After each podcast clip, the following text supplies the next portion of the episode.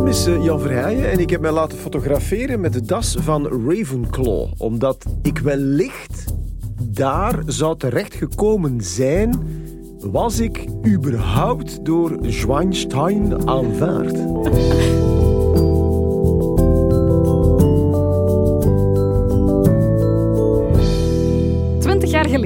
werd er een film gelost in de Belgische cinemazalen die zo'n gigantische impact zou hebben dat we er een paar decennia later nog altijd over praten. Over de films, de boeken en de auteur valt wel het een en ander te vertellen. Jammer genoeg ook niet altijd even positief.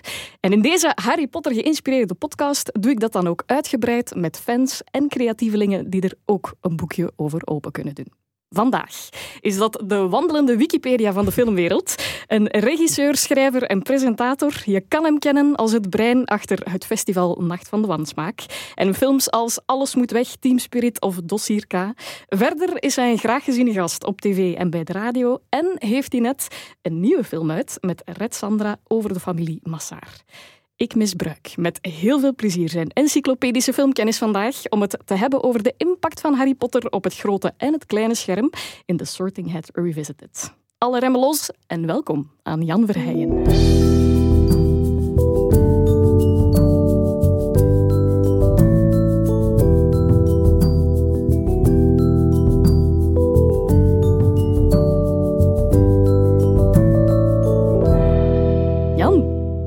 Mooie inleiding. welkom. En slim hoe je alle remmen los. Ja. Mijn boek er ook nog in verwerkt dat hebt. moest. hè. Mooi. Dat moest. Wat een topboek ook. Cultfilms. Eh, We hebben er ooit op Nostalgie ook al eens een babbeltje over gehad. Ik heb toen bijna poepenklets van jou gekregen, omdat ik Seven Brides for Seven Brothers onder de categorie fout zette. Maar dat, is, dat klopt niet. hè.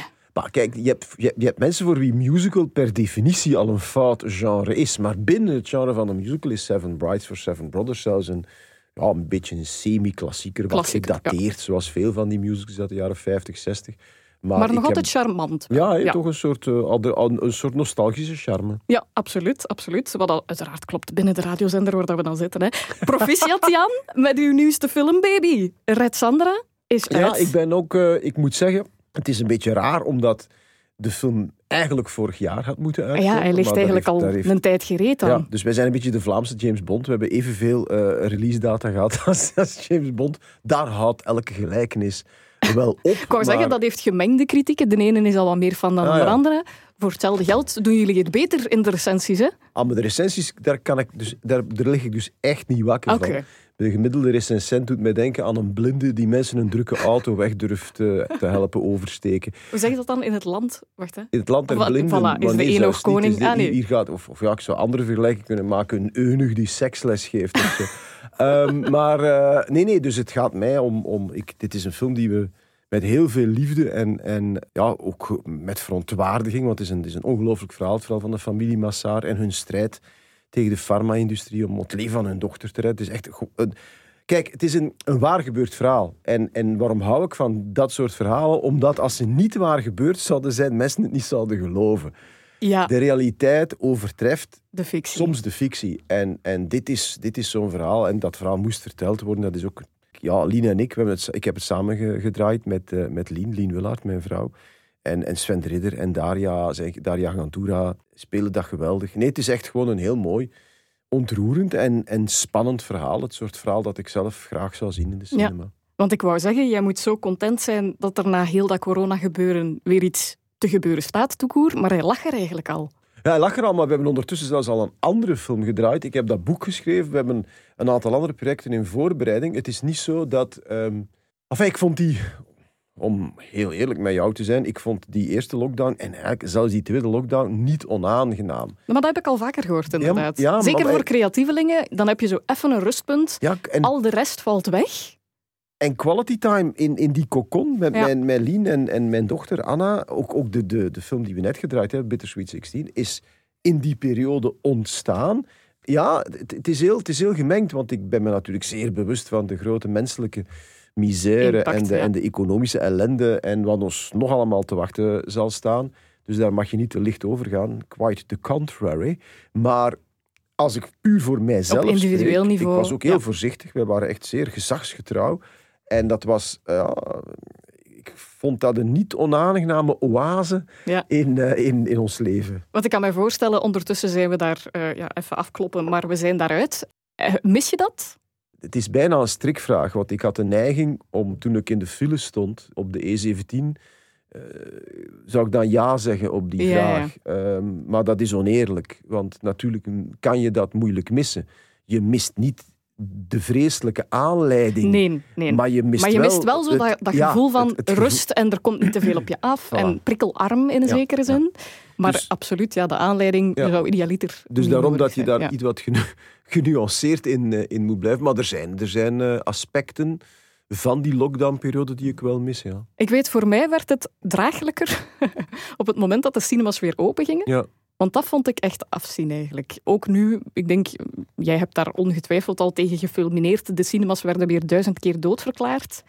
Ah, maar ja. daar geloof jij niet in, toch? Nee, nee, nee, ik, nee, nee, ik heb daar. eh, eh, het is natuurlijk wel zo, daar moeten we niet onnozel over doen. We zijn wakker geworden in een nieuwe wereld. Enfin, dat klinkt nu ook weer zo, zo wat opgeblazen. Maar ik, wat er nu gebeurd is, wat betreft de impact op, op dan specifiek de cinemas.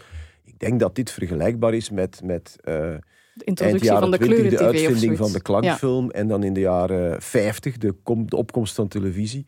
En dan in de jaren 70, 80 eh, video en dvd. Dat waren ook zo drie gelegenheden waarop eh, de obituaries al Ja. geschreven werden.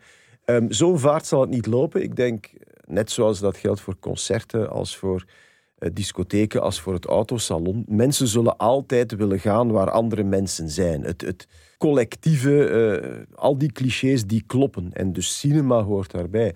Alleen is een evolutie die al een tijdje bezig was, namelijk dat je Netflix en eh, Disney Plus en... kunt ah. Netflixen en kunt binge-watchen, dat die evolutie een revolutie is geworden. Dus dat er tijdens die periode heel veel mensen die nieuwe vertoningsvormen hebben ontdekt. En dat je met andere woorden, denk ik, dat lijkt me de meest concrete conclusie tot nu toe, dat je ja, toch echt je stinkende best zal Ja. moeten doen als filmmaker om ze nog naar de bioscoop te krijgen. Dus, Dus ik als denk, regisseur moet je nog meer uit de pijp komen. eigenlijk. ja, je, en je moet ook nadenken over... Kijk, tot nu toe was er een soort duidelijke hiërarchie. En de cinema stond helemaal bovenaan. Maar nu moet ik zelf ook toegeven dat ik de afgelopen jaren... En dat was al bezig van voor corona, laten we eerlijk zijn... Dat ik op televisie veel interessantere dingen zag dan Ja. in de bioscoop. Dus je, je, dat is allemaal...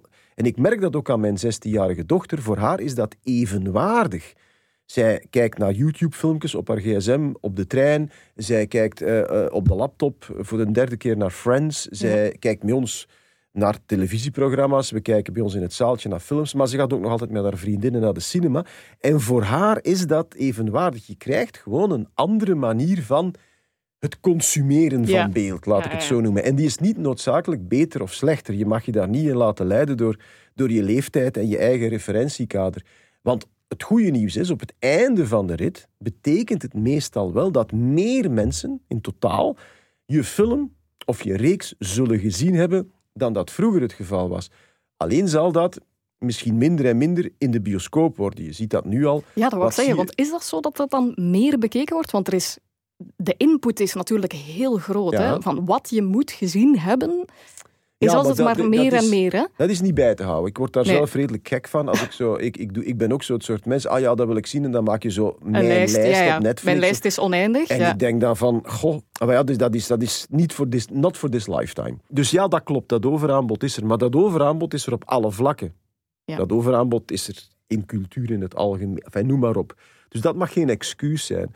Ik denk gewoon dat je, je, je kan mensen niet meer 12,30 euro vragen en dan 3 euro voor een, een, Spa. Blauw en 5 euro voor, voor popcorn en ze dan een lauwe romcom Ja. serveren, zoals je er dus op Netflix en al die andere streamers tientallen kan zien. Het zal meer dan dat moeten zijn. En ik denk, als ik mij aan een voorzichtige toekomstvoorspelling Ja. waag, en je ziet dat nu al, hè, wat zie je nu?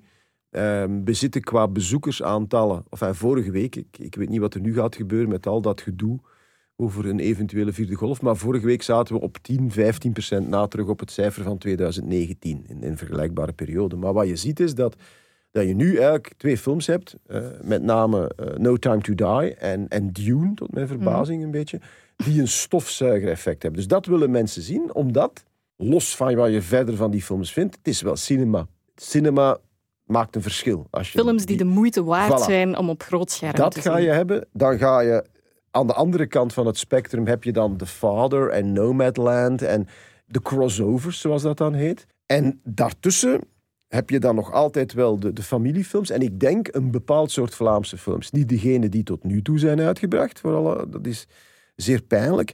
Maar en ik denk dat dat de dingen zijn, de, de films waar je toch waar een soort want to see Ja. rondhangt. Wacht, en je zegt Vlaamse films pijnlijk in welke zin? En Die- omdat de dingen die tot nu toe zijn uitgebracht, ja, het, het, het, het op spectaculaire wijze niet hebben gedaan. Ja. En dat dat eigenlijk ook wel een beetje voorspelbaar was. Dus dat heeft allemaal te maken met keuzes die gemaakt worden, uiteraard. Eh, Vooral dan beleidsmatig. Het is heel pijnlijk bijvoorbeeld om te zien dat in Nederland, daar staan op dit moment zeven Nederlandse films in de top 20. Amai, netjes. Dat is echt, dat is, Ja. en dat maakt het verschil. En dan zie je ook En waar dat... zit dat dan? In distributie, Nee, in promotie, zit in in- budget? Nee, dat, nee, tu- nee, nee, je vergeet het belangrijkste. De Kwaliteit keu- van de film. De, Nee. de, keu- de keuze van wat je maakt. Ja, Als je, als je, ah, de- de- de- het volstaat om al eens na te denken over van, goh, zou er buiten mijzelf en mijn naaste familie, omdat ze wel moeten, iemand, anders geïnteresseerd zijn Ja, ja. In, het, in, het, in het ei, waar ik vijf jaar op heb zitten broeden en dat ik nu per se gelegd wil hebben. En dat, eh, dat doet men in Nederland beter. Dus dat is echt voor een stuk, voor een stuk een beleidskeuze. En je merkt dat er ook jaren geweest zijn dat dat wel gelukt is. Ik Ja. herinner me het laatste, enfin, 2019, nog niet zo gek lang geleden uiteindelijk, had je in één en hetzelfde jaar Girl, Patser en Niet Schieten. En ik denk zelfs nog een kampioenenfilm ook.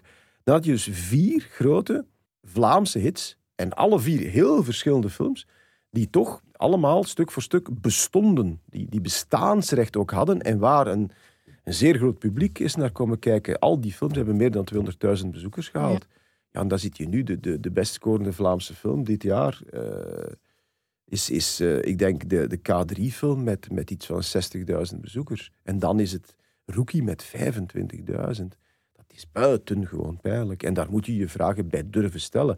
En die vragen hebben ook te maken met waar we het net over hadden, met die nieuwe context. En dat wil niet zeggen dat je Rookie niet meer moet maken, maar dat je moet nadenken of moeten we dat maken voor de bioscoop. Ja, dat je ook moet nadenken, is dit de juiste mediavorm om Ja. dat aan te pakken? Wow. Ja. Er is ook nog, want die afweging die maak jij uiteraard als regisseur ook zelf. Er is nog een andere film van jou over- onderweg, in samenwerking met jouw eigen dochter, Anna.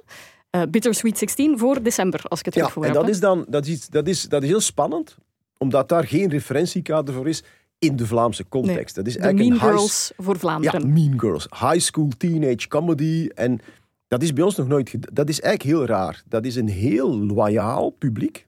hè, Die, die, die tieners. En wij negeren die straal. Ja. Maar je moet ze wel, je moet ze wel mee hebben. Ja. En, en het is ook echt een jonge cast. Het zijn ook echt tieners. Want dat heb je dan vaak nog bij die Amerikaanse films. Dat het dan Dat die al in de dertig ja, zijn dat eigenlijk. dan ja. twintigers zijn die nog in een scoutsuniform passen. Maar, maar nu zijn het ook echt... eh, de hele cast zijn, zijn 15 tot, tot 19-jarigen. En de energie, het enthousiasme, de, de, de frisheid van die... Van die, van die, die- dat is echt heel aanstekelijk. En het is... Enfin, ja, ik ben er zelf... We hebben al een paar testscreenings gehad. We zijn nu bezig met de muziek. En ik ben zelf... eigenlijk- Ik word steeds enthousiaster.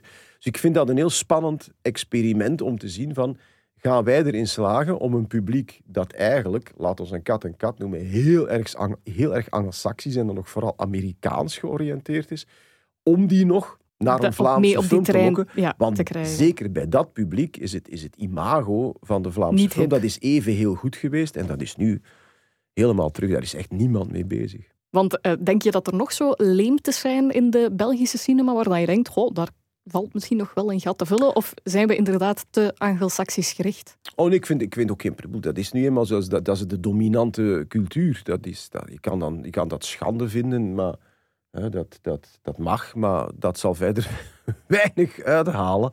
Eh, en ik zeg ook niet dat je die anglo-saxische cultuur moet gaan imiteren. Of, of, Vooral na- niet, denk ik Nee, eigenlijk, Denk ik niet, ja. maar, maar ehm, je moet verhalen vertellen die, die Vlaams zijn. Maar je moet niet bang zijn om daar een beeldtaal bij te gebruiken. Die bijvoorbeeld wel geïnspireerd Ja, kan zijn met een door, door die referentiekader. dat je daar rekening houdt van. Kijk, de verpakking is gewoon ontzettend belangrijk. Eh, a spoonful of sugar makes the medicine eh, go down. Ik ben daar zelf ook heel gevoelig aan. En ja, leemtes. Er zijn natuurlijk een aantal vanzelfsprekende leemtes. Star Wars of Titanic of Ja, ja. Towering Inferno. Dat kunnen wij niet. Er zijn misschien wel een paar, er zullen wel mensen zijn die dat kunnen, maar de middelen die daarvoor nodig zijn, ja, die, die hebben wij niet. En dat, dat vind ik ook, bon, dat is, dat is nu Ja, en dan doe je het zo. beter niet dan heel slecht. Dan doe je het inderdaad beter niet. Eh, en als je dat soort films wil maken, dan moet je doen zoals Adil en Bilal. Dan en trek je ga naar het dan ga je naar Amerika. ja. Bon, zo simpel is het natuurlijk ook niet. Je moet het talent en de drive, de marketing knowledge hebben Ja. van, van die twee. Maar ik vind, dat, ik vind dat geweldig om te zien hoe zij, eigenlijk als allereerste, erin geslaagd zijn om, om, en ik denk zelfs vrij bewust, een aantal films te maken die echt een visitekaartje waren, die echt schreeuwen richting Hollywood. Ja. Pick me, pick Ja. me, pick Kom me, maar halen. I'm here, Ja, I'm here. Zijn en, gereed. en, en die ook functioneren in die wel heel specifieke context. Die, ik zie die ook echt zitten, die twee gasten, aan zo'n tafel. Vol met executives, met notes. I have some script notes for you. In act 3, is it really... Dus dat soort... En ik zie die, die gasten echt gewoon binnen doen. En, Ja. en, en dat, is, dat, is, dat, dat kan ook niet iedereen. Nee, nee, Een aantal absoluut. andere collega's hebben dat ook geprobeerd en hebben voor zichzelf vastgesteld van... Goh, eh, het is altijd wat natuurlijk. Hè. Hier moet je dan eh, voorbij een of andere filmcommissie, daar moet je dan voorbij een tafel met executives. Het is altijd wat. Maar het is allebei, het is allebei wel, wel een gedoe, denk ik. Ja, sowieso. De liefde voor film die is sowieso onmiskenbaar. Wat heb jij, of heb jij court eigenlijk iets met Harry Potter? Hoe is dat bij jou binnengekomen? Wel, ik, ik, eh, ehm, ik wil niet op je ziel trappen. maar ehm, ik herinner mij dat ik de eerste drie... Ik heb de boeken niet gelezen. Ik heb de eerste drie films in de bioscoop gezien en ik ben toen afgehaakt, maar ik weet begot niet waarom. Mijn dochter, hè, Anna, waar we het al over hadden, is nu 16, is, eh, is wel begonnen aan de boeken. Ik denk dat zij tot boek 4 of 5 is geraakt. En eh, ik had haar beloofd, kijk, als je, als je klaar bent met de boeken, dan gaan we de films kijken. En dan kijk ik mee. Uiteindelijk is ze nu zo nieuwsgierig naar die films dat we er toch aan begonnen zijn. Dus ik heb nu de afgelopen twee maanden alle films gezien. En dan moet je vaststellen dat die films erin slagen een universum te creëren. Wat wel heel bijzonder is, waarvan Anna ook zegt dat het eh, echt wel aansluit bij de boeken. eh, wat ook niet evident is. Maar het zijn toch echt wel heel dikke boeken. Wat ik ook heel boeiend vond, door ze zo relatief snel na elkaar te zien. Je ziet die personages, net als de acteurs, je ziet die opgroeien. It's like growing old in public. Dat, is wel, dat, dat vond ik boeiend. Wat ik ook boeiend vond, is hoe die films, naarmate de personages ouder worden, ook van toon veranderen. Er sterft iemand in De vierde. vier. Ja, Ja. Goblet of Fire sterft ja, de eerste. ja. ja. En dan denk je, oeh. En dan, dan wordt het bij momenten ook best wel eng. En krijgt het een, een, een donkerte die je niet associeert met... Ah, dat zijn Jeugdboeken, kinder- jeugdboeken ja. of kinderfilms of familiefilms of, of hoe je het ook noemen wil. Dus dat vind ik dapper. Ik miste op een bepaald moment de dreuzels. Ik vond het, eh, het, dat, dat vreselijke gezin waar Harry dan terechtkomt, dat, ja, waar, en waarbij, waarmee de eerste films begin vond ik altijd geweldig. Ik vind die Richard Griffiths ja, is ook zo'n geweldige acteur.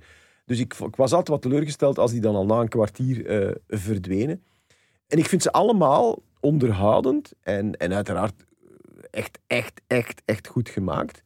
Eh, maar het is niet altijd mijn unie. Ik vind het ook best wel, en dat heeft vermoedelijk te maken met het feit dat ik de, de boeken niet heb gelezen, maar ik vind het toch wel complex. Ik vind er niet altijd mijn weg in terug. Ik moet net iets te vaak vragen aan Anna, wie is dat nu weer? En moeten we die kennen? Of hebben we die al gezien?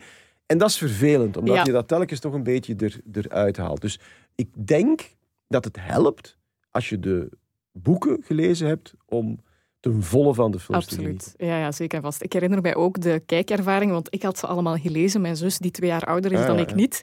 En dan keken we die samen in de zetel. En dan kreeg je inderdaad de... Wacht, wie is dat? Is dat belangrijk? En komt dat nog terug? En Ja. is dat een plot? En eh, ik had dat... Want je haalde daarnet Dune aan. Ik had dat super hard bij Dune. Ah ja, Ik dacht echt, als je dat boek niet gelezen hebt, dan betekent deze film toch niets? Dat is een proloog van een proloog. Ja, maar en, en, en het, het gaat vooral ook nergens over. Nee. En dat vind ik op zich niet erg, want je zou kunnen argumenteren dat ja, James Bond ook nergens over gaat. Maar bij Dune is het dan Ja, ook maar bij James Bond heb je nog altijd binnen een film een, midden, Ja. begin, een begin, midden, Ja, einde. en- bij en- Dune was dat niet het geval. Hè? En zo humorloos. Ja, ook. Zo, maar echt zo volslagen humorloos. Daar worden de, elke dialoog wordt dan neergezet met een soort pretentie dat je denkt, ja... Ik vond hem visueel Maar ja, maar- magnifiek. Absoluut. En daarom cinema. Ja. Ik zei het al. Maar ik vermoed, enfin, ik weet het niet, als je dat dan thuis of laat staan op je, op je, op je gsm ziet, denk ik dat daar heel weinig van hoort. Maar, ik wist niet of ik hem moest aanraden achteraf. Want ik vond hem, ik vond hem goed omdat ik het boek had gelezen. Ah ja. En dus het is een vrij letterlijke vertaling. Ah ja. En dan dacht ik, ik heb gekregen wat ik verwacht had, in Ja. een zekere zin. Maar als je dat boek niet gelezen hebt, ja, dan is dat, dat heeft geen begin, dat heeft geen midden, dat Nee, heeft geen einde. heeft- Dat eindigt op een punt waar je denkt, eh, Maar er, heeft een aantal, er, zit, er zit een aantal op, zich, op zichzelf staande. Als ze daar die, die, ja, die oogstmachine moeten gaan. Dat is een onwaarschijnlijk spannende, superieur goed gemaakte scène. Maar, en daarna gaan we terug weer heel ernstig naar elkaar staan kijken en te zeggen van. Enfin, dus ik ben wat op mijn honger gebleven. Alles Ja. duurt ook te lang. Dune duurt te lang, James Bond duurt te lang. The Last, al die maar ook dat is een tendens, hè? Ja, omdat je zo, je krijgt eigenlijk, bijvoorbeeld Dune is eigenlijk een pilot, hè? Dat is geen film, dat is een pilot van een reeks. Ja, ja. Goh, dat, dat, ik moet nu wel zeggen dat. Goh, ik weet niet of ik me daardoor nu. Ik was vooral blij dat het afgelopen was. Maar dus eigenlijk vergelijkbaar met Harry Potter, hè, als je minder eh, vertrouwd bent met die boeken, hè, want je hebt ze inderdaad niet gelezen, dan is die kijkervaring misschien te complex en dan heb je sowieso zoiets van, je bent misschien een beetje kwijt. ja, en, maar Harry Potter heeft dan het voordeel. Voor mijzelf dan, want je moet dat alles is eigenlijk heel subjectief. Ik ken behoorlijk wat mensen waarvan ik vermoed dat ze oprecht onder de indruk waren van, van Dune. Dus dat wil ik ook zonder meer aannemen. Maar dan vond ik Harry Potter voor mij, ehm, ondanks de, de beperkte kennis van eh, de boeken, de, de onbestaande kennis van de boeken, vond ik tenminste dan, ja, dat was speelser. Dat Ja. had toch een soort lichtheid. Dat nam zichzelf niet zo dodelijk au serieus. Ja, en die jeugdigheid, want het wordt inderdaad wel duisterder naar het einde toe, maar er zit inderdaad wel een zekere jeugdigheid Ja. en luchtigheid in. Ja. Om de zoveel tijd een mopke, ja, je blijft een jeugdig publiek aanspreken natuurlijk. Ja. En ook het idee van, ja, dat is toch wel een geweldig idee, die school en dan die... die- Ja, ja we, mo- we moeten naar de les spreuken of we moeten naar de les... Enfin, dat, ja, dat, is, dat is leuk het spreekt tot de verbeelding Ja, sowieso. Hè. Ja. absoluut. Sowieso, onafhankelijk van, want uiteraard zijn er wel ook opmerkingen op die films te geven, sowieso. Maar je, de impact daarvan op de film Mm. is enorm geweest. Hè. Als je nu terugblikt op die middellange termijn, 20 jaar, ja, je, heel veel films zouden er niet geweest zijn zonder Harry Potter. Hè. Ja, het- wat je natuurlijk, wat, wat, wat vooral opvalt, is dat Harry Potter ehm, bijna twee decennia een melkkoe is geweest voor Warner Brothers. Het is ook geen toeval dat die Deadly Hallows dan in twee Ja, nog ja. werd gehakt van, Och, goh, anders is het gedaan. Ieder met, met ehm, Twilight. Hè? Ja. Twilight, die laatste film, Hunger was Games dan ook in dat ook in-. Dus, dus dat, is, dat is zo'n trucje, een vrij doorzichtig een trucje, heel slecht trucje, dat maar dan consequent eh, wordt toegepast, omdat zo'n studio natuurlijk, ja, wie, wil, wie, wie, wie slacht de kip met de gouden eieren natuurlijk. Dat heet dan een franchise. En dat is waar elke studio, of een tentpole, dat is echt een film waar je een hele sleet rond kan bouwen. En dat is wat, wat die grote studio's, die ook allemaal op hun beurt weer onderdeel zijn van grote mediaconglomeraten, dat is ook de opdracht. En iedereen zoekt naar de next franchise. De dus na het succes van Twilight kreeg je dan, dan de Hunger Games. En de Hunger Games, dan kwam Divergent. En dat was dan al wat minder. Dus je bent op zoek naar, naar, naar, reeks, naar, naar reeksen. Het hele Marvel-universe of het DC Comics-universe is ook een invulling van het gegeven franchise. En dan laat je die personages in, in, in elkaars films aantreden. En dan creëer je dus inderdaad ja, dat, dat universum. En dat blijkt wonderwel te werken. En dat is wat ik daar dan... Ja, hoe moet ik het zeggen? Wat ik daar dan knap aan vind, maar waar ik dan ook een aantal bedenkingen bij heb, is... We hadden het over die Amerikaanse cultuur en de dominantie van Mhm. die Amerikaanse cultuur. Dat is niet van ons, hè. nee, nee, die- dat is die comics, Ja, nee, Dat ja. is oer-Amerikaans. Dat is echt oer-Amerikaans. Ik herinner me nog, Batman, toen die bij, dat was in Amerika een even- evenement. Die eerste Batman-film is bij ons geflopt. Is echt, dat, is, dat ligt niet meer zo in de herinnering. Maar dat was, dat is eigenlijk, ja, dat was heel teleurstellend bij ons. Wij hadden daar niks mee. En uiteindelijk, door maar op die nagel te blijven kloppen, zijn wij nu helemaal mee en kan mijn dochter alle figuren uit het Marvel Universe opnoemen en komt zij enthousiast vertellen na het zien van, ehm, wat heeft ze dit weekend nu weer gezien? Eh, Venom. Ah, en in de, en in de aftiteling zat dan Harry Styles met, en die zal dan zeker...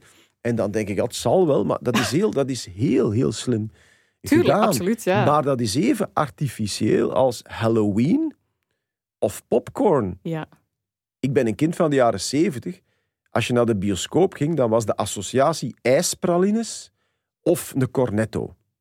Dat was wat er dan te krijgen Goed wel, was. vind ik goed. Ja, kunnen we En dat dan zijn, de, dan zijn de? Kinepolissen gekomen. En thank God dat ze gekomen zijn, want cinema zat op zijn gat toen bij ons. En die hebben gewoon dat Amerikaanse systeem geïntroduceerd. En een jaar later vrat iedereen nachos met kaassaus en popcorn in de cinema. Halloween. Wij, Ja. Halloween, wij hebben werk, dat is niet van ons. Dat is een geïmporteerde Santa Claus. traditie, eh, dus, al ja. dat soort dingen. Dus, en, daar, en daaraan kan je zien hoe dominant, hoe infiltrerend die Angelsaksische cultuur is. Dat is best wel boeiend. Ja, absoluut. Stel nu, jij krijgt het eh, budget. Gewoon even gedachte-experimenten. Om in België een remake te maken van Harry Potter.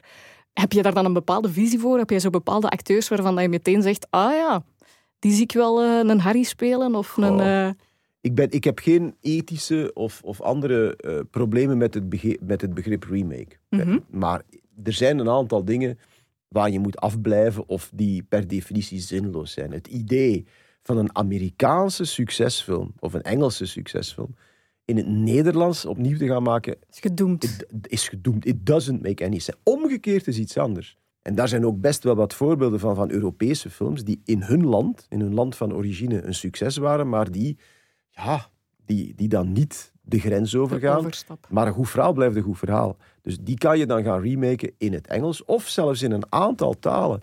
Eh, Wat het voorbeeld dat ik altijd geef is, ik heb een film gemaakt, Alles denk is liefde 2000 is toch. eh, dat is toch alles Ja, is liefde. dus en Zot dat van A is ja, Alles is Liefde, maar Team Spirit bijvoorbeeld is gebaseerd op een Nederlandse film, All Stars, die ondertussen ook in het Spaans en in het Engels is geremaked. Omdat dat gewoon een geweldig goed verhaal is. En dat is een even goed verhaal in het Engels en in het Spaans, en dat zal dat ook wel zijn in het Koreaans. Maar daar gaat men niet naar een Vlaamse of een Nederlandse film kijken. Dus het is perfect verantwoord om dan te zeggen: we, we gaan dat met onze culturele eigenheid verfilmen. Want er is een verschil tussen Team Spirit en All Stars. Er zijn subtiele verschillen tussen Zot van A en Alles is Liefde. Dus ik heb daar geen enkel probleem mee. Maar het idee om Harry Potter in het, in het Vlaams te gaan doen is. Dat, nee, dat, dat werkt niet. Dat gaat niet marcheren, nee. Zijn er boeken waarvan dat je wel denkt van... Ja, op zijn Vlaams, op zijn Belgisch, dat zou wel marcheren? Of heb je een gigalijst waarschijnlijk? Nee, ik lees, ik, ik lees veel, veel. Ik lees veel omdat je nooit weet waar je volgende vandaan komt. We hebben nu eh, een boek geoptioneerd van Chris de Stoop, De zaak Daniel. eh, Over een waar gebeurd verhaal ook, over de moord op zijn, op zijn onkel. Eh, dat, dus, dat, is, dat is een ja, geweldig goed boek en daar kan je wat mee. Dus vaak heb je dat. Je leest een boek of je leest de krant. De, de, de film Red Sandra is uiteindelijk gebaseerd. Dat is geen boek, maar dat is wel waar gebeurd. Er is een uitgebreide eh, reeks artikels. En dus dat, dat is een waar gebeurd verhaal. Dus dat zijn interessante bronnen. Theater is soms Ja. eh, voor iets een bron. Ik was inderdaad aan het denken, Eh, inspiratie kan je... vrij- du- dus, dus overal je weet, het, je halen. weet het nooit. Dus ja, Ja. Ik, ik, ik, lees, ik lees veel boeken. Maar ik weet ook, als ik een, een, een Engelstalig boek lees, en zeker al als dat een bestseller is, zit dat qua aankoopprijs ook alweer Mhm. ver boven onze... Je moet eigenlijk een onontdekte diamant... eh, Ja, dus dan, eh, maar, maar het idee om, om, maar om concreet op je vraag te antwoorden, er zijn twee boeken die in het Nederlands taalgebied zijn verschenen, waarvan ik denk dat ze geweldige films zouden opleveren, maar die in mijn schuif met onrealiseerbare projecten liggen, om budgettaire redenen. Dus Kruistocht in Spijkerbroek van Mhm. Thea Beckman, wat heel veel mensen gelezen hebben. Ik weet niet hoe dat nu zit, maar dat was vroeger Dat was het boek Ja, dat je je moest gelezen hebben. en dat ja. is ook, maar dat is ook echt een geweldig boek. Dat is blijft goed. Ik heb het onlangs herlezen. Ja, ik heb, dat dat blijft, goed, hè. Echt... Oh, een klepper. Dat is waanzin. Ja. Maar dat gaat over een kinderkruistocht die met olifanten over de Alpen trekt. En ja, begint maar. Dat is Spielberg. ja, Dat is Spielberg, daar moet je afblijven. Want er is een poging gedaan. en die poging is heel En slecht. nee, ik, Ik vond dat onbekijkbaar. Maar, Ja. dat, ja, maar dat is ook omdat ik had al een probleem met het begin, waarbij dat je van een heel leergierig jongetje Ja, dat geïnteresseerd is in wetenschap en geschiedenis een voetbal van maakt. En dan denk ik, ja, maar ja, nee. ik, ben, ik ben iets milder dan jij, omdat ik natuurlijk besef hoe onmogelijk de opdracht was. Ja, dat is waar. Maar, en dat, maar dan, dan kom je inderdaad tot de conclusie. je moet het dan niet doen. Nee. Je moet het niet doen, want het is, het is gewoon... En het andere boek dat in die schuif ligt, is eh, de, de Geest van eh, koning Leopold II en de plundering van de Congo van Adam Hochschild, Oh, een Engelse auteur. En dat gaat over ons koloniaal verleden Mhm. in, in, in de Congo. En dat is een boek. Ik heb gehuild. Enfin, ik heb gehuild. Ik, heb, ik ben echt geweest. Ik was, de tranen stonden in mijn ogen van colère en verontwaardiging. Ja, want ik zou denken dat is echt een maatschappelijk relevante film ook om te maken. Hè? Absoluut. Maar, nogmaals, als je dat goed wil doen, dan zit je... Je kan niet gaan draaien in de Congo. Dus je moet, maar moet, je moet wel naar Afrika. Je zit met massascènes, je zit met, met epoch, je zit met... Dus, en dat kost... Ik denk dat, we, dat je onder de, de 12, 15 miljoen er niet komt. Ja. En dan nog... Ik was heel blij, een paar jaar geleden werd dan aangekondigd dat Ben Affleck het zou gaan eh, verfilmen. Maar daar is het nu heel stil rond. Dus eh, ik weet niet wat de status van dat project is. Maar dat is... En op zich is dat erg, hè? Dat iets uit, uit ons verleden dan alleen maar zou kunnen gemaakt worden door, door een, een, een, Amerikaanse studio. Maar in dit geval, in het geval van Leopold II, als je het echt Goed wil. een grote Ja. publiek En als je het de eer ook wil aandoen die het Voilà. eigenlijk nodig Ja. heeft. Ja. En, en anders, anders moet je er inderdaad een soort wieklo van maken met, met een, een, een meneer die Leopold II speelt en een vergadering heeft. In, en dat is het dan. Maar je moet, nee, je moet, als je dat echt goed wil doen, moet je dat groot doen. Sommige dingen vragen nu eenmaal geen intimistische benadering. Nee, ja, en dat is daar een voorbeeld van, absoluut. Voilà. Hè? Hoe, hoe eh, beroep- beroepsmisvormd ben jij als het op filmkijken aankomt? Dat valt geweldig mee. Oké. Ja, ik ben daar ook heel... Want ik, ik merk bijvoorbeeld bij... We hadden het helemaal in het begin over, over recensenten en dat moeten we vooral niet doen. Maar daar merk je bijvoorbeeld dat mensen die met, een echte passie voor film daaraan beginnen, binnen de drie jaar zijn die blasé en, en ondraaglijk en elitair. En Ja. dat is heel raar. Ik ben, ik ben cinemaloper geworden toen ik 14, 15 was. We zijn ondertussen toch echt wel een eind verder. En ik kan nog altijd, ik zal nu niet zeggen dat er een maar de, de, toch een soort opwinding voelen van Ja. de lichten. Vroeger zou ik zeggen, de lichten doven, het doek schuift open. Dat is ook al niet meer van deze tijd, een doek die openschuift. Maar bon, Je hebt de ook al geen pralinnen niet meer. Ja. de Ja. en, dan ben ik, en dan ben ik klaar. Dan zit ik klaar van, neem mij mee. Neem mij mee op uw reis. Ik ben, ik ben de beste passagier die je kunt dromen. Maar ze mogen mij niet voor een idioot verslijten. Het moet wel... Het mag En geen ik merk geldklopperij zijn. Als het mij dan niet boeit, dan durf ik wel eens te kijken van oké, hoeveel standpunten, in hoeveel standpunten hebben ze deze scène gedraaid? Eigenlijk is Ah. dat een slecht teken als je Ja, is daarmee begint. teken. Ja, als is jij denkt van ah, point of view Ja, en hier ah ja, en een zou- oh, is dialoog. en... niet voor een voor, oh ja, waarom gaat hem nu zo met die intro? Oh ja, dat is de, de, de ziekte ook van naast veel te lang duren. Drone shots. Ja. Dat is echt. Dus eigenlijk is het gewoon het punt waarop dat jij eigenlijk uit de, de suspension of disbelief bent getrokken. Dan weet je, oei, Of niet, zo, niet noodzakelijk de suspension of disbelief, want ik ben al bereid veel te geloven, maar gewoon omdat het mij niet meer. Kijk, er is maar één zonde die je kan begaan als filmmaker, en dat is je publiek vervelen. Dus van zodra dat gebeurt, ben ik, ofwel ben ik dan ook letterlijk weg, want de, de discipline om alles uit te zitten heb ik niet meer. Dus jij trapt echt... eh, Ja. ja. Ja. En ik voel mij er ook niet meer schuldig over, want li- life's too short. Ja, ja, oké. Dat je denkt, Er kijk, zijn ook dit soms is er het zijn ook niet. dingen waar ik niet meer aan begin.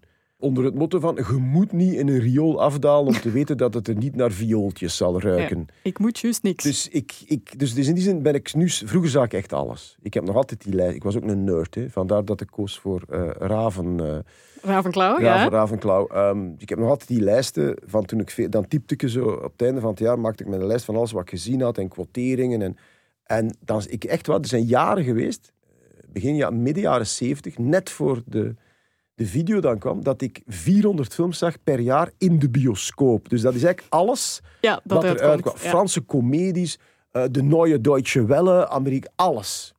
En dat is ook mijn filmschool geweest. Hoe leer je een taal? Ja, absoluut. Je leert het referentiekader heel Voilà. snel kennen op die manier. Hè? En, en, dat, maar, en, en toen, ik denk niet dat ik toen... Ik kan me niet herinneren dat ik toen ben buiten gegaan. Nu doe ik het, nu is het regelmatig. Ook zeker thuis.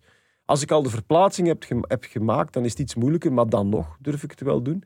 Maar eh, bij dingen bijvoorbeeld, de, recent eh, de, de Green Knight, wat ik dus oplichting vond van het ergste soort, dan, dacht ik, dan ben ik eerst in slaap gesukkeld. Ik dacht Oei. van, ja, dit is zinloos. Ik, ga wat, ik was moe. Ik ben blijven zitten. Ik heb Ah. wel een paar momenten gedacht... Wat Ik had ook dit? constant het gevoel van om mijn gsm boven te halen en mijn lichtje aan te steken om bij te lichten. Want het is, het is, ik, ik snap, oké, het was daar, Tim, we zitten in god weet waar, welke eeuw. En ze hadden daar nog geen teillampen in hun kastelen hangen. En, Nee, maar dat vind ik ook altijd een flauw excuus. Want maar, uiteindelijk, Ik de, wil wel zien wat er gebeurt, dus dat vond ik als je geweldig kan geloven in eh, mensen van vijf meter groot, dan kan je er ook wel een lamp op zetten. Ja, dus, voilà. Dus, wat, dus dat vond ik. En dus dan denk ik van ja, ik ga wat, eh, wat bijslapen. Dan word ik toch weer wakker en dan zitten. En dan ben ik echt, heb ik echt op een bepaald moment gezegd: nu zijn we weg. Dit is, dit is zo verschrikkelijk slecht en pretentieus. Ik heb en- het daar en- dus moeilijk mee. Met zeggen, maar dat is ongetwijfeld omdat ik ook nog niet zoveel films heb gezien als jij, maar ik heb het moeilijk om te zeggen, is dit nu pretentieus of is dat niets voor mij? Ah, maar dat siert jou. Dat siert jou geweldig. Want eigenlijk zou ik dat ook zo moeten zeggen. Ik zou dat ook zo moeten zeggen, want zoals ik al heb gezegd, elke vorm van appreciatie is subjectief. Ja. Dus misschien bestaan er mensen.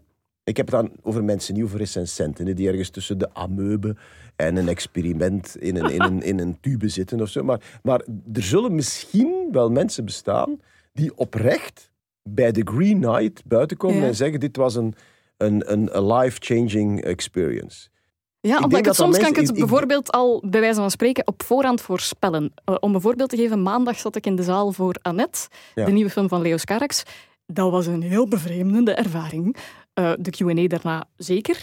En ik weet, er waren bepaalde scènes waarvan ik dacht, oké, dit is goed, maar in het algeheel, het geheel genomen, heb ik meer gedacht van, Ja. dan wel. En dan merk je, en dat wist ik al op voorhand eigenlijk, dan merk je bepaalde recensenten lyrisch. Ja. Beste dat er ooit is gemaakt. En dan dacht ik, ah oei, het zal wel aan mij liggen Nee, maar dan. dat is, dat is eigenlijk daar is een, een vrij simpele verklaring voor. Cultuursnobisme. nee, maar dat is, dat is echt zo. En een soort opbod van, van ja, maar ik kan nog elitairder zijn dan Ja. jij. En in die zin moet ik trouwens toegeven dat recensenten wel degelijk nog een functie hebben. Want als je exact het tegenovergestelde doet van wat ze schrijven, zijn dezelfde bedrogen. Aha, oké, kijk. Dus los negeren, alles wat dat zij slecht vinden. Alles boven de drie sterren, zeer echt uitkijken. Wachten tot iemand in jouw omgeving het gezien heeft. Ja. Eh, want word of mouth is eigenlijk de enige. Iedereen beste heeft in zijn, promo in nog zijn altijd. kring wel een Ja. aantal betrouwbare bronnen. En je hebt nu het internet, hoe niets. Nu pas op, want dat vind ik ook wel een gevaarlijke. Als in, je kan kwaliteit nog altijd niet gelijkstellen met kwantiteit. Hè? Want dat is ook te makkelijk, toch? In ieder geval, het is objectief. Cijfers Ja. liegen niet. En je kunt niet zeggen dat... Allee, het, is, het is een beetje dubbel. Je, je zou kunnen beweren dat bezoekcijfers niet alles zeggen.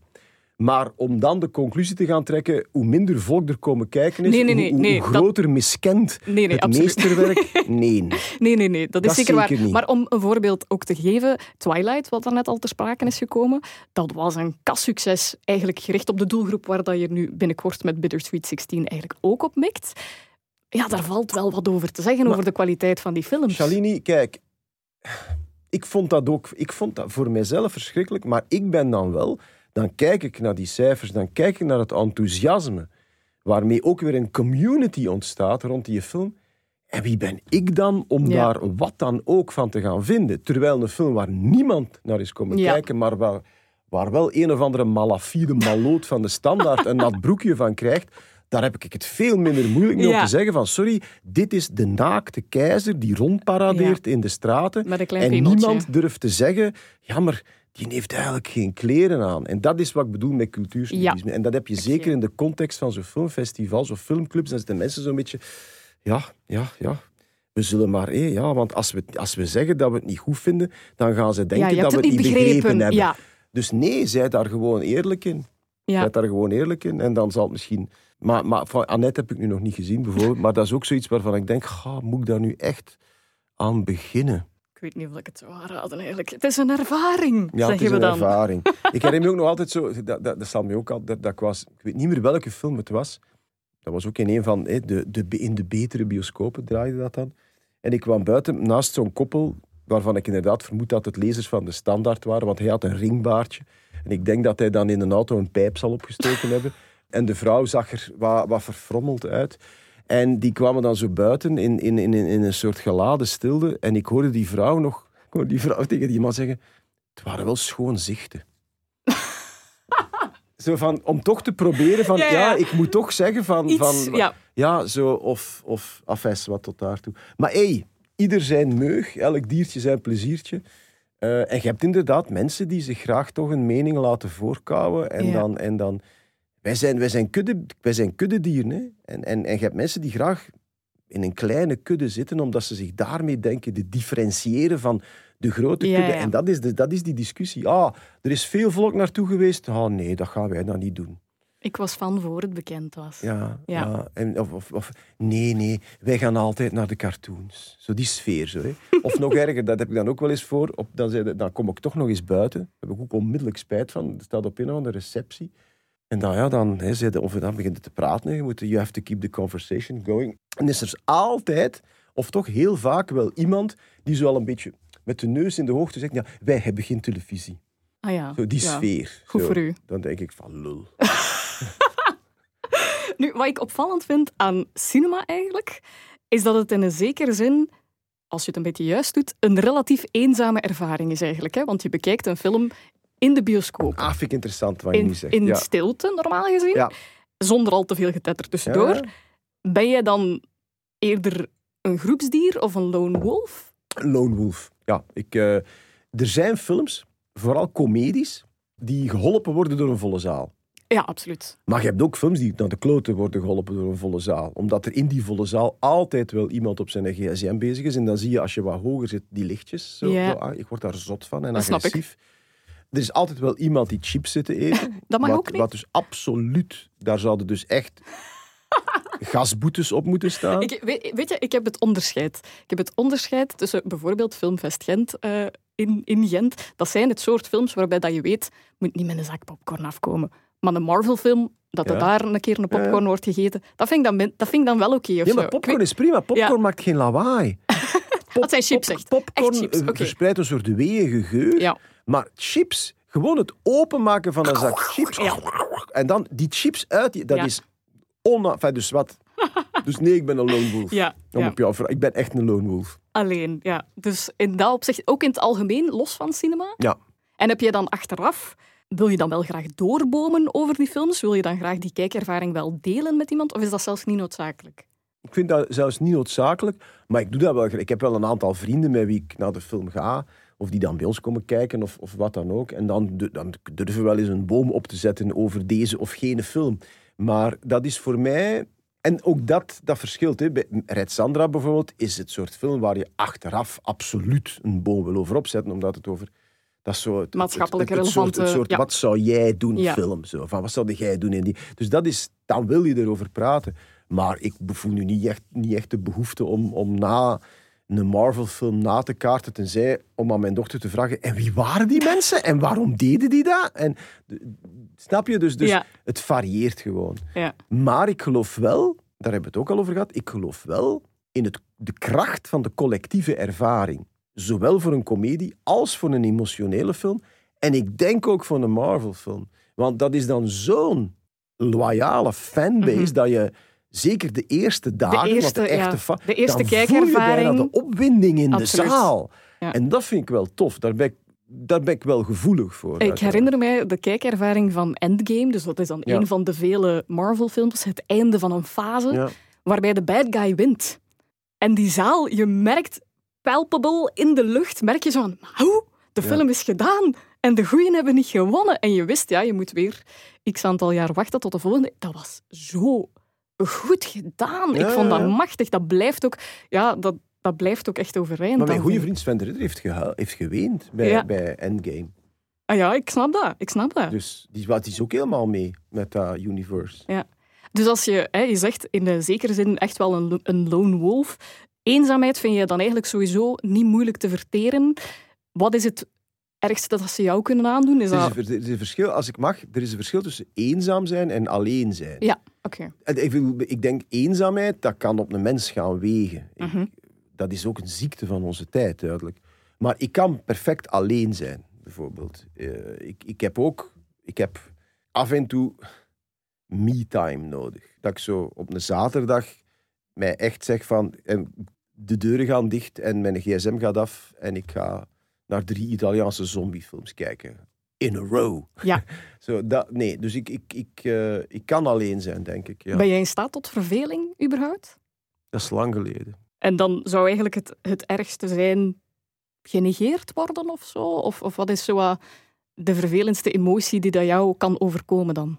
Goh, dank je wel je emotie. Ik, ik moet zeggen, en dat is een constant gevecht, ik, uh, ik, ik erger mij vaak. Ik weet niet of ergernis onder emotie valt. Goh, ja, in welke zin? Files. Allemaal ah. dingen waar ik niks aan... Aans, ik heb een hekel ja, ja. aan aanschuiven. Ook het idee, ik word... Als maar je bent ook een ongeduldige mens, heb oh, ik. Ja. Ook, iemand die tegen mij zegt, maar geduld is een mooie deugd, die echt een toek in zijn bakjes krijgt. Wat is dat nu voor iets? Geduld is een mooie deugd. Geduld, dat is, dat is een soort... Ja, dat is... Nee, ik vind het heel frappant dat je dat zegt, want bijvoorbeeld Sven de Ridder is hier ook te gast geweest. Sven de Ridder heeft eigenlijk echt een pleidooi gevoerd voor geduld. Hij zei, voor geduld? Ja, ja, ja, want hij zei van, ja, kijk, het ging dan eigenlijk over de opbouw van zijn carrière ook. En gewoon consistent hard werken, blijven opdagen, omdat je weet, op een gegeven moment gaat die carrière staan waar ik wil dat ze staat. En dat gaat door dat doorzettingsvermogen zijn gebeurd en door dat geduld. Door te weten van, het gaat gebeuren op het moment dat het moet gebeuren. Of is Sven ook eigenlijk in geen geduld? Ik, vind dat, ik, vind dat, ik denk dat dat meer berusting is dan, dan, dan geduld. Ja. Um, en het is ook niet zo dat Sven, en ik ken Sven echt heel goed, het is niet dat Sven naar een doel toe heeft gewerkt en ondertussen dingen heeft gedaan die niet leuk waren of die alleen maar in functies... Die Sven is gewoon een rasacteur. Sven speelt graag. Dat, is, dat maakt Sven ook zo, zo goed. Je, je voelt wat hij ook doet, die straalt een spelplezier uit dat bijna, dat bijna voelbaar is. Of die nu letterlijk, of die nu drie mannen onder een dak doet, of Red Sandra, dat is een even enthousiaste mhm. acteur. Dus, dus, het, dus ik, ik denk dat ik wel ongeveer begrijp wat hem bedoelt. Maar ik ken Sven ook niet bepaald als de meest geduldige mens ter wereld. Hè. Uh, dus jij beschouwt geduld eigenlijk niet als een positieve eigenschap. En het tegenovergestelde daarvan, wat is dat dan? Vuurken onder gat, dat wel. Dingen zo, zo van, van aanpakken, weet ja. niet, niet hoe zeg ik, niet, niet, niet, niet, niet pleu, het is zo'n West-Vlaams Efficiëntie, ja, um, niet neuten, niet plooien. Niet neuten, niet, ja. Gewoon, nee, zo, zo, niet zo, ha en ha en ha, en ik moet opstaan, ha, nee, nee. Allee, carpe diem. Ja, het, moet, het mag vooruit gaan. Ja, het mag vooruit gaan. Ik ben ook het soort mens, en nu gaan de mensen die nu nog aan het luisteren zijn, zijn we nu ook kwijt. Ik, ik word blij wakker. Ik, ik word wakker en denk, ah, nieuwe dag. Ja, dus let's get to ik, it. Ik, ben direct, ik ben, ik ben ook meer een ochtendmens dan, dan een, een avondmens ook nog, maar ik ben geen nachtmens bijvoorbeeld. Is dat ook iets, uh, als mensen die jou goed kennen, jou zouden omschrijven, is dat ook iets dat jou typeert? Zo die, ja, wat is dat dan, van aanpakken, weten, dat ongeduld? ik, ik, denk dat wel. En ook een soort en dat is ook zo een, een woord dat je in mijn eh, milieu niet mocht gebruiken. Efficiëntie. Organiseer je een beetje fatsoenlijk, dan krijg je ook gewoon meer gedaan. Ja, en dat mag niet gezegd worden binnen de filmwereld. Dat, omdat ja, dat een beetje creativiteit. Met het, met het artistieke en, en zo van, goh, dat romantisch beeld dat er ook nog is hè, van filmmaker. Nee, je komt morgen op de set en dan wacht het van tot, de verwarde tot het moment van divine inspiration. Ja. Onzin. Je doet dat natuurlijk ook beroepsmatig. Hè? Alles met film, met planning, met organisatie. Het moet ook vooruit gaan als regisseur. Je zit met een budget, je zit met een aantal draaidagen. Je hebt in 2003 ook een boek geschreven, Alles wat je eigenlijk zou moeten weten over film volgens Jan Verheijen. Beschouw jij, of kan jij jezelf beschouwen als expert op dat vlak? Goh, dat is nu... Dat is, als ik daar ja op antwoord, dan ben ik zelf pretentieus. Als ik daar nee op antwoord, ja, dan zal niemand die een boek kopen.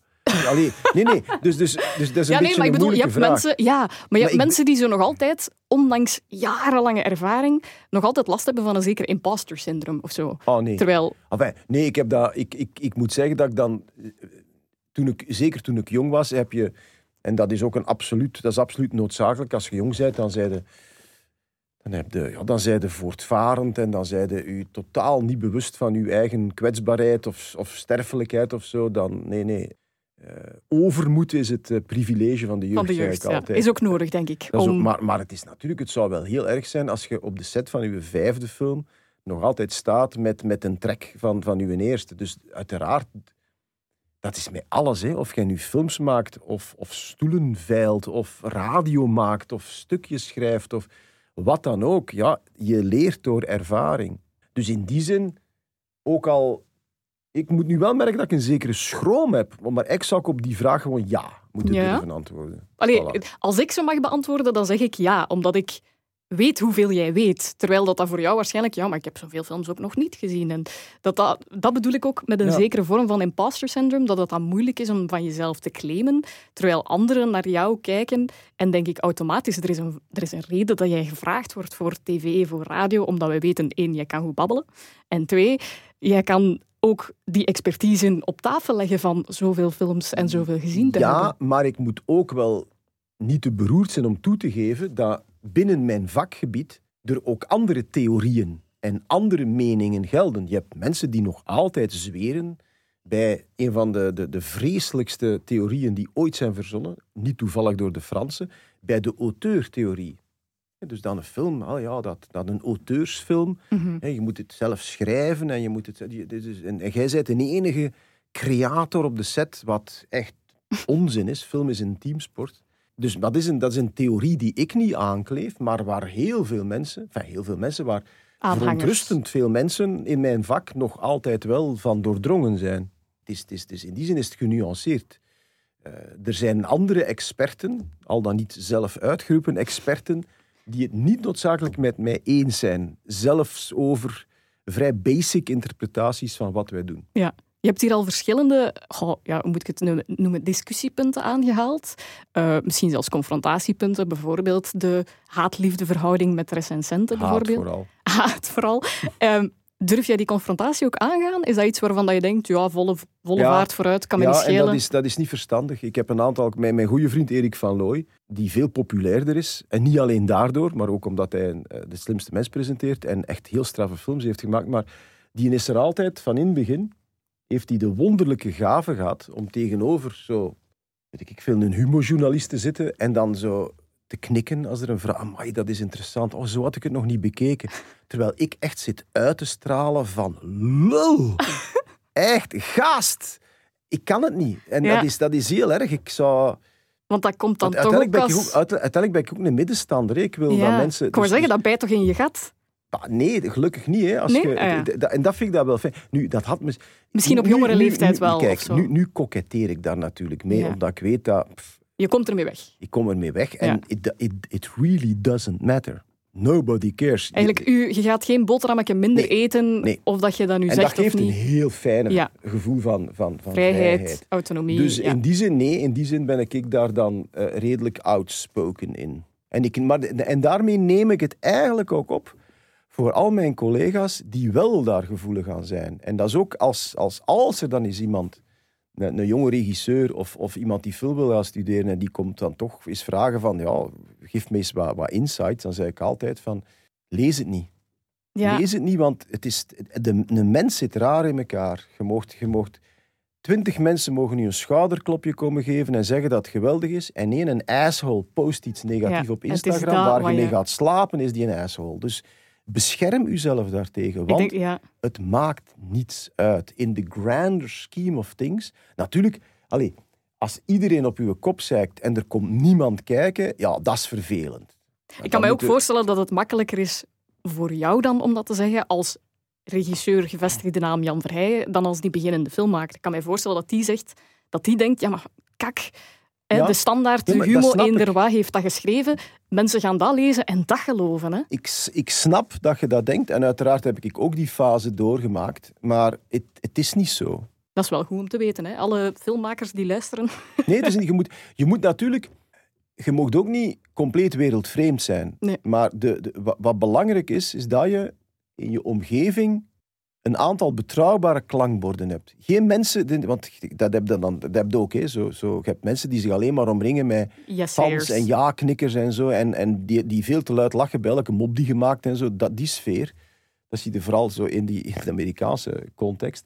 Nee, je moet een aantal mensen hebben, en dat, dat mogen ook gewoon vrienden zijn. Die maar die wel de kritische stem hebben. Maar waarvan je weet, die gaan mij altijd zeggen en die gaan ook zeggen, als het, voilà, en die gaan ook als die een film zien, die gaan ook zeggen, ja, maar dat vond ik precies toch wel wat minder. Of zo. En je moet natuurlijk ook, ik zal, ik zal, ik zal al zelf uh, introspectie doen. Uh, soms, soms gebeurt het ook dat je, het, dat je ernaast zit. ik heb een paar jaar geleden de Collega's 2.0 gemaakt. Een soort ja, update, noem het, van, van het legendarische televisiefeuilleton, de Collega's. Um, ik heb me daar geweldig mee geamuseerd. Eh, en met mij de hele cast en de productie. Ik herinner me nog altijd, de film was af, je laat die dan zien, eerst aan uw acteurs. Fantastische avond, iedereen in mekaars armen en gaan lachen en zo. En die film komt uit en die heeft het al al nog redelijk gedaan. Die drankt aan de perceptie rond van, oeh, dat was, dat was een flop, 140.000 bezoekers.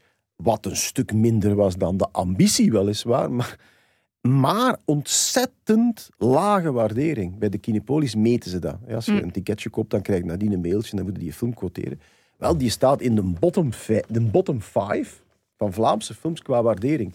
En dan neem ik dat wel serieus. Dan denk ik van, oké. dat zijn ook de kijkers en niet de recensenten. Dat zijn de kijkers. Ja. Dat is een heel duidelijk signaal. En dan, dan ga je onderzoeken van, wat is er gebeurd? Waar heb ik mij vergist? En hoe kan ik vermijden dat dat nog gebeurt? Nog gebeurt ja. Dus je mag ook niet compleet blind zijn voor mhm. wat er om je heen gebeurt. Maar het komt erop neer dat je de signalen moet, moet kunnen eh, interpreteren en dat je, dat je het kaf van het koren moet kunnen scheiden. En waar zit dat? Is dat gewoon voor jezelf, jezelf beschermen in een zekere zin? Is dat buikgevoel weten van dit kan aan de kant, dit moet ik wel serieus? Combinatie van de twee. Ja.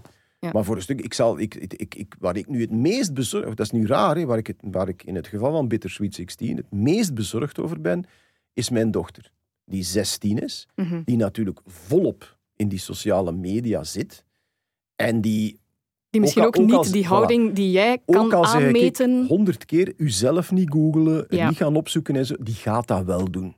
Die gaat dat wel doen.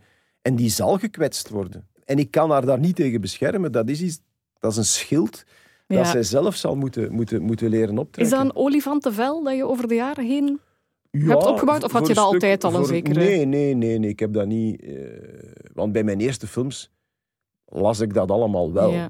Maar wie mij dan uiteindelijk... Er is een Amerikaanse regisseur, Barry Sonnenfeld, heet hij. Dat is, die was eerst cameraman, onder andere voor de Coen Brothers. En die is dan zelf beginnen regisseren. En de eerste film die hij maakte was The Addams Family. Groot succes. Vreselijke reviews. En zijn volgende film was dan Get Shorty. Zo'n Elmer Leonard verfilming met, ik denk, John Travolta redelijk goed gedaan, maar rave reviews. En ik ontmoette die mensen, enfin, we geraakten aan de praat. En uh, hij was aan het vertellen van, ja, ik zat thuis. Het was een aantal weken na de release van Get Shorty. En al die mensen hebben natuurlijk een publicist en een manager en zo. En er werd gebeld en er was een, een koerier. En met twee in leer ingebonden volumes met alle Amerikaanse recensies van Get Short. En die ging zitten aan zijn tafeltje, aan zijn zwembad. Want die hebben ook allemaal een zwembad slaagt hij eerst een boek open en begint de eerste recensie, te een rave review. En hij zei, ja, en ik was ongeveer halverwege die review.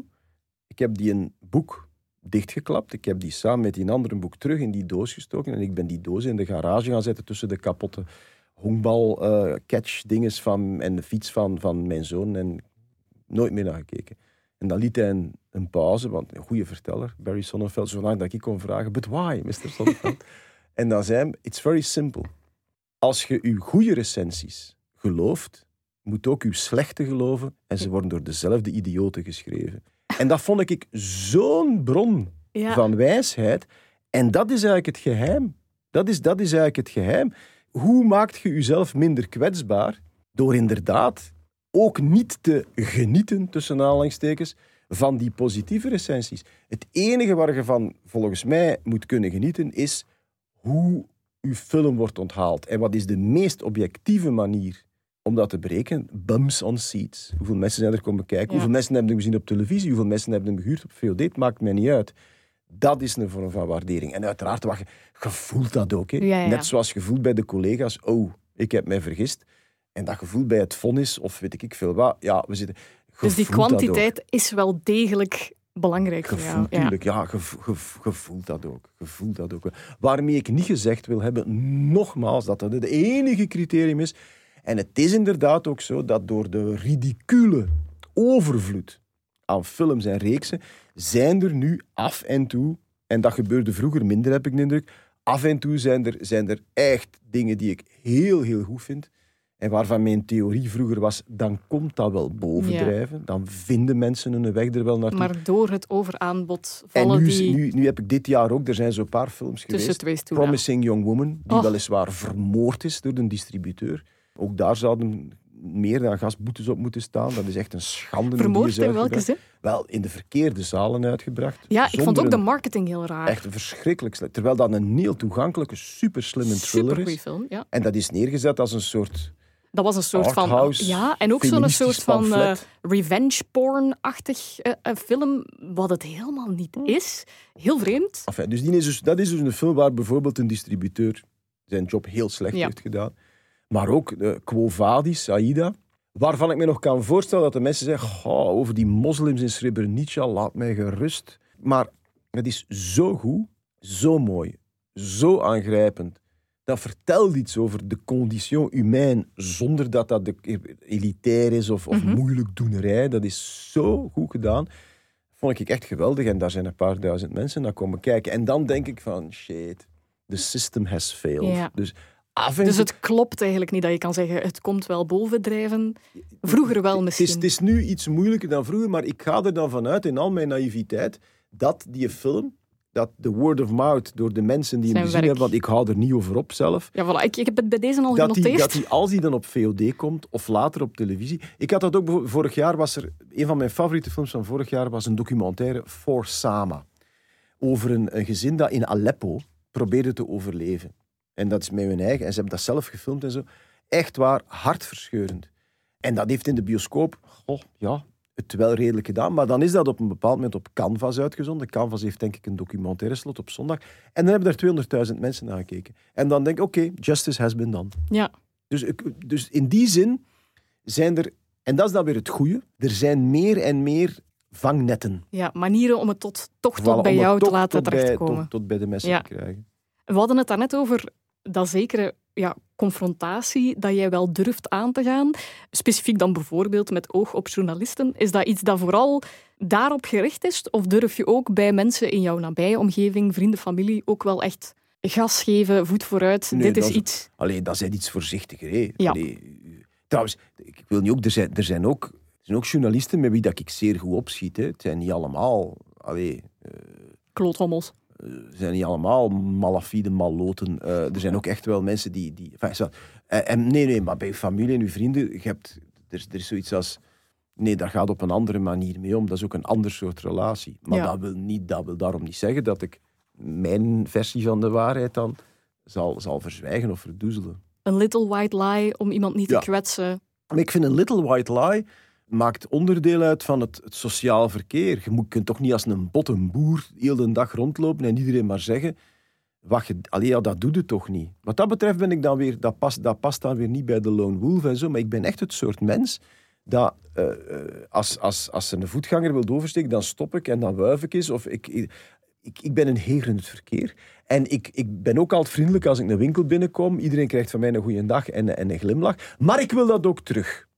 Ja. Snap je? Dus ik, ik, dat is tweerichtingsverkeer wel. Dus Ehm, respect moet je verdienen ook. Ja, eh, maar gedraag u. Behandel anderen zoals je, zoals je zelf behandeld wilt worden. Het is, niet, het is niet veel moeilijker dan dat in essentie. Wat ik heel grappig vind, is dat je praat over hoe je je hoort te gedragen, ook vanuit een zekere... Allee, hoe kan dit nu? Vanuit een soort van, ik weet niet wat dat is, rechtvaardigheidsgevoel of idealisme of... Dat, is, niet- dat zijn twee zeer grote woorden als het gaat over een goede dag zeggen in een winkel. Hè. Ja. Eh, Maar, maar, maar, maar, ik- Maar als in, je, je, je wint je er wel in op ook. Ah, dus, Ja, ik, ik, kan mij, ik kan mij opwinden over onbeleefdheid. Ja. Ik kan mij opwinden over onverschilligheid. Ik kan mij opwinden over inefficiëntie. Ja, dat zijn allemaal wel dingen waarvan ik denk van... Doe een beetje beter je best. Ja. Wat kost dat nu? Ja, dat is waar. Beetje vriendelijk zijn, pay it Ja. forward. Want ik heb ooit gelezen dat je in een interview wel hebt gezegd dat je ooit een vluchtige seconde hebt overwogen om in de politiek te Ja. stappen. Dat is dan toch ook vanuit een bepaald idealisme. Maar ja, tuurlijk. Omdat, en ik was het vooral beu, want op een bepaald moment krijg je dan ongewild... Dus de, zo, dan kom je bij die opiniemakers terecht. En dan moeten, dan moeten opinies gaan schrijven. Of dan moeten opinies hebben als u bellen. En ik, na een tijdje ben ik daar ook mee gestopt. Omdat ik het, het geroep van de stuurlui aan wal beu werd. Dat is een beetje zoals met voetbal. Hè. Er zijn 9 miljoen trainers van de nationale ploeg Ja. in dit land. En nu weet ik, ja, dat is, dat is natuurlijk... Je kunt niet zeggen van ik ga trainer van de nationale ploeg. Maar je kunt inderdaad wel zeggen, ik ga mij engageren. En dat kan op een, op een, op een eh, gemeentelijk niveau. Dat kan, op, dat kan op allerlei niveaus kunt u engageren. Je kunt inderdaad voorzitter of penningmeester worden van de, de lokale fanfare. Dat is een engagement. Dat is een vorm van sociaal engagement. En dat bewonder ik. Dus ik bewonder ook, hou u vast, ik bewonder ook politici. En omdat ik het zo irritant vond van altijd maar te roepen hoe het moet, ja, als je het dan echt zoveel beter weet, doe het dan. Hè. Want wat is dan de reden dat je het u. uiteindelijk En ik heb het dan gedaan? niet gedaan, omdat alles wat ik wil doen, ten huize Verheijen Willaert, wordt afgetoetst, gezamenlijk, met ons drietjes, aan één cruciale vraag. En die is, gaan we daar gelukkiger van worden? Ah, En het antwoord op de vraag van, gaan wij gelukkiger worden als papa in de politiek als gaat, papa een roeptoeter moet worden. dermate resounding no. Dat, ja, Ja. dat, dat, maar ik, ik heb dat altijd, en nu nog, een zekere vorm van lafheid gevonden. Toch? Ja? Ja, ja het, het, het- dat is, is dan ook dat- zelfbescherming, toch? ik- ja, ja, goed, maar dat botst. Hè. Ja, ja, dat is zelfbescherming en daar zijn zeer goede redenen voor. Maar anderzijds is dat ook een vorm van... Dat betekent dat ik bewust mij niet sociaal engageer. Doe je dat dan niet op andere manieren? Want bijvoorbeeld, als ik nu kijk naar een Red Sandra, dat is eigenlijk een Ja. heel maatschappelijk geëngageerde Ja, film. goed, ja, dat is absoluut waar. En zo zijn er nog wel een aantal. En, en eh, ik engageer mij ook, vind ik, binnen ons vakgebied. Mhm. om, om te proberen altijd... Allee, ja, een, een, een, Ja, want daar is die voet vooruit ook een, help, een hulp voor andere In filmmakers. principe, ik probeer een immer goedgezinde ambassadeur van de, van de Vlaamse film in het bijzonder en de cinema in het algemeen te zijn. Maar, ja, dat is, maar er, zijn, er zijn andere, veel grotere vormen van, en- vormen van engagement die ik dus niet heb aangedurfd. En denk je dat dat ooit nog Nee. komt? Of heb je zoiets... Nee, het is, het is goed. Nee, nee, nee, omdat het wordt ook alsmaar erger als, Ja. je, als je ziet Polarisatie. bagger, ja, die polarisatie. Ook je krijgt niks gedaan in dit land. Dat is de grote frustratie van zeer veel ondernemers bijvoorbeeld, die dan van de politiek zijn gaan proeven. Maar je krijgt je niks gedaan, het gaat niet vooruit. Dus dan is het in zekere zin ook zelfbescherming om te zeggen, ik sluit mij daarvoor af. En binnen de invloedssfeer waar ik in zit, ga ik proberen daarin een positieve verschil te maken. Of zoiets. Dat is een uitstekende samenvatting. Nee, maar dat is, ja, daar komt het op neer. Ja. Ja, ja. Dat dat, dan wel, dat dat dan wel ook echt een ambitie is van jou. Ja. ja. Ik denk dat ik eruit ben, Jan. In welke, in welke, bij welke club kom ik terecht? Jawel, je zit in twee clubjes. Oh, dat kan niet, hè? Jawel, ja, nee, wel, wacht. Ja. Laat het mij uitleggen. Dus het punt is dat er zijn vier huizen, maar uiteraard is het nogal heel kort door de bocht om iemand in- meteen in één categorie te stoppen, want dat geldt voor niemand. Hè. Mensen bestaan uit meerdere facetten. En zijn... nochtans is dat de ook een van de ziektes van onze tijd, dat hokjesdenken. Ja, Je, moet absoluut. in uw hok, je wordt in een hokje gestopt, like it or not, en Ja. dat moet in blijven, want anders is het verwarrend. Maar hier geldt dat niet, Jan. Ja. Wij zijn multidimensionaal, wij zijn ons daar allen van Ja. bewust. We zijn genderfluïde. Voilà, en dat mag ook allemaal. En dus geef ik u twee huizen Mhm. waarin dat je naar mijn gevoel heel goed zou kunnen passen. En dan ligt de keuze uiteraard bij u. Ja. Hè. En als je dan zo'n beetje wilt wisselen, of als Ja, je denkt, kies er eentje, dat is ook goed. Wat ik heel hard merk in jouw Ravenclaw, wat jij hebt gezegd, klopt absoluut. Mhm. Je hebt het gehad over dat planmatige, over dat creatieve, over consistent zijn, over hard werken, over efficiëntie. Dat zijn allemaal dingen die ook wel daarin thuis horen. Dat nerdy gehalte van u ergens in vastbijten en dat weigeren los te laten. Dat researchmatige boeken lezen, want je weet nooit waar dat de ideeën en de inspiratie vandaan komt. Heel erg Ravenclaw. Dus in dat opzicht zeer goed ingeschat, geanalyseerd. Je zit bij de nerdjes, proficiat. Dank u. We zitten samen in de club. maar je bent ook wel, denk ik, een heel goede vertegenwoordiger van Gryffindor. Ah, In die zin, dat rechtvaardigheidsgevoel, dat idealisme, dat voet voorwaarts confrontatie durven aangaan, daar ook niet je over schamen of daar... En dat wil niet zeggen grof of bot, hè, voor alle duidelijkheid. Dat wil vooral zeggen dat je daar geen schaamte over voelt. Dat je denkt van, kijk, je kan mij nog zoveel wijs maken, met bronnen, met recensies, met god weet wat. Je kan mij nog zoveel wijs maken. Ik weet, dit is juist en hier ga ik bij blijven staan. En hier hou ik aan vast. En opnieuw, dat wil ook niet zeggen dat je niet open staat voor feedback of mhm. ruimte voor interpretatie of niet vatbaar bent voor andere argumenten, maar vooral dat je ergens wel vertrouwt op hier hebben we cijfers, kwantiteit, Mhm. plus mijn buikgevoel en dat zegt dit en daar vertrouw ik wel op. En daar ga ik achter staan en daar ga ik voor vechten. En mijn visie, ik heb daar wel vertrouwen in, dat dat er ook wel voor zal zorgen dat het gaat lopen zoals het moet lopen. En daar zit dan wel een eh, hele straffe Gryffindor-kant in.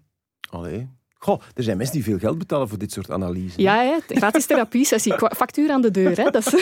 Okay.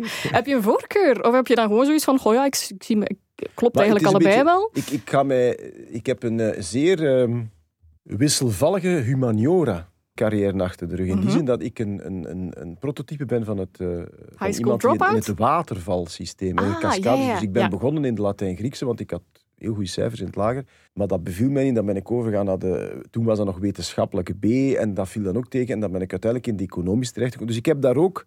Ik ben daar eigenlijk regelmatig van richting geswitcht. Ah, je zou graag willen wisselen eigenlijk. Dus in die zin, laat ons dan maar beginnen bij uh, Ravenclaw. En dan na een paar jaar misschien toch eens kijken... Kun je een switchje doen? Ja, ja voilà, een switchje doen. Hè. Voilà, kun je nog wat netwerken tussendoor. Dat zijn ook interessante mensen. Oké, dan uh, ga ik het jou eigenlijk gewoon het duo-huis laten bewaren. En dan laat ik het jou graag heel heel graag zelf zeggen. Hè? Ik ben Jan Verheijen, ik beschouw mezelf als...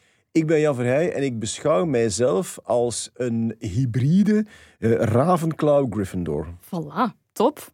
Dankjewel Jan. Alsjeblieft. Voilà, daarmee hebben we een lid van onze Vlaamse filmroyalty huiskleuren, meerdere huiskleuren, aangemeten. Vanaf heden mag Jan Verheijen niet alleen aangesproken worden als regisseur, presentator en schrijver, maar ook als trotse hybride van zowel Ravenclaw als Gryffindor. Deel gerust ook jouw huis, House Pride, via Facebook of Twitter, via VDL of de hashtag The Sorting Hat Revisited. In ruil krijg je zoveel liefde dat Voldemort jou nooit zou kunnen vermoorden en een killing curse spontaan bounced. Merci voor het luisteren en tot de volgende keer. Mischief Managed.